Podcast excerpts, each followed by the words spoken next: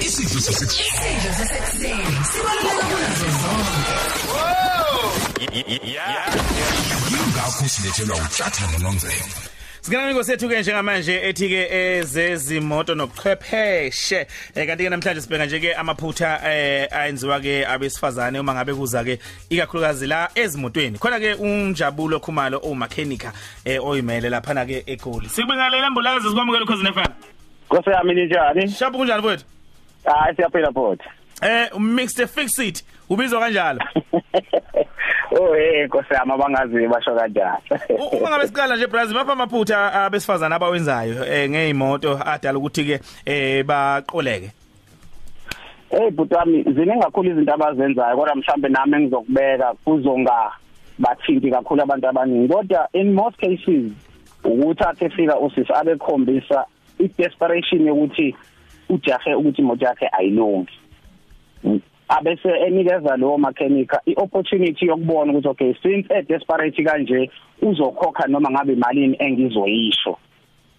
Ebese mhlawumbe okunye kwesibili kuba ukuthi the minute esefikile kumechanic abese beka ukuthi ayi ngicela nje wenze konke kufanele ukwenze mina ngofika sengizokhokha. Ilapho ke ila i mistake yayibe khona ngendlela engiye ngibuke ngayo mina.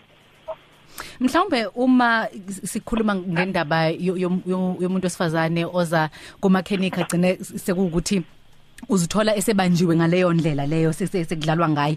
Mhlambe iziphi imoto mhlawumbe ovamise ukuthi ukuthi umuntu kube lula ukuthi umakhenika am- amgoqa goqe nje amgoqa goqe Some imoto ezi kuya kuye nama brand ngoba i brand ubuningi bayo ikona okwenza ukuthi nabantu abaningi bayisebenzise. Imoto ezama azama target kakhulu kusuke kuma Yaris kwakhuphuka njenganamanje we looking at amapolo ngendlela ekwenzeka ngayo because office abaningi nabo imoto lezi abayisebenzisayo in most cases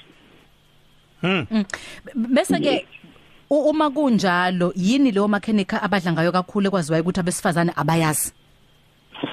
Em into eyiningi ama ama amalokhuzana ama indlela imoto esebenza ngayo abantu besimame abazi. So if efika kuma mechanic kuma mechanic ethi imoto yakho ibilile iqeda amanzi ya- ya- yalimaza cylinder head usisakazi nanokuthi cylinder head yini. Yena uzothatha lokho kusho mechanic kunjengoba kunjalo without even knowing ukuthi cylinder head into kanjani. Bese kuba khona ezinye izinto komakanika abayisebenzisayo mhlawumbe imoto ifika ilimaze i-CV joint. So uma ilimaze i-CV joint imoto ayidriveki because i-CV joint i-joint yona driver mason so if esethi yena i-CV lento uzoba yathi ugearbox ofile usisa akawazi umehluko phakathi kwe-CV joint no-gearbox uzothi nje ngizwe umsindo imoto yangabe isafuna ukuhamba. So ashiya imoto yena knowing ukuthi izolungisa ugearbox which ugearbox pay you pay more money ukulungisa ugearbox than i-CV joint. Ubhuti ayilungisa i-CV joint afika nikeza usisi imoto sisabe excited ngokuthi imoto isilungile Mm. Ungabaxwayisa kanjani ke pho mhlamba abantu uma ngabe nje umuntu ezoya kumakhenika yini ongamxwayisa ngayo? Um but I mean most cases ukuba targeted kakhulu ukungakhombisi ukuba desperate for imoto ukuthi no njengamanje ngiyafisa ukuthi imoto yami ayilunge angisengiwilling ukwenza noma yini okokuqala lokho okwesibili ihistory eningi ngemoto to tell umechanic ukuthi sengidlala abantu kade bengithengisa izinto benza lokhu naloku naloku naye.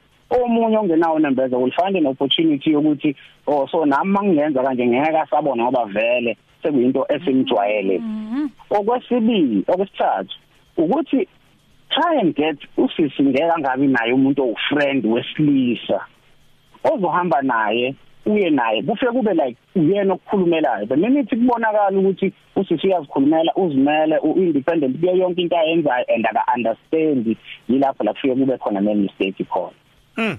Kezwakala and mfethu. aba and abanye ke bhuti wami banokushiya ke nezinto zabo ezimenza umuntu bese kuyabonakala ukuthi usebenza kuphi so ngokusebenza kwakhe kuleyo ndawo can she can easily afford like ama Oh, appointment vele yabiza nje eh imali ethe xaxa. Eh. yes usebonile ukuthi usebenza kwi-press uma kuyi-press ususebenza ka-transnet usebenza kamasipala abanye bashiya nama-payslip ke ey'motweni office umuntu azabone nanokuthi awu uhola kangaka ngeke ahluleke ukwenza lokhu Mm. Mfethu emakhulu eh cishe ukhulume kahle ngendlela mangalisayo. Sithemba ukuthi kuningi abakufundile ikakhulukazi odadewethu abashayelayo. ngiyazibongela kakhulu nambhodi baqaphele kakhulu nje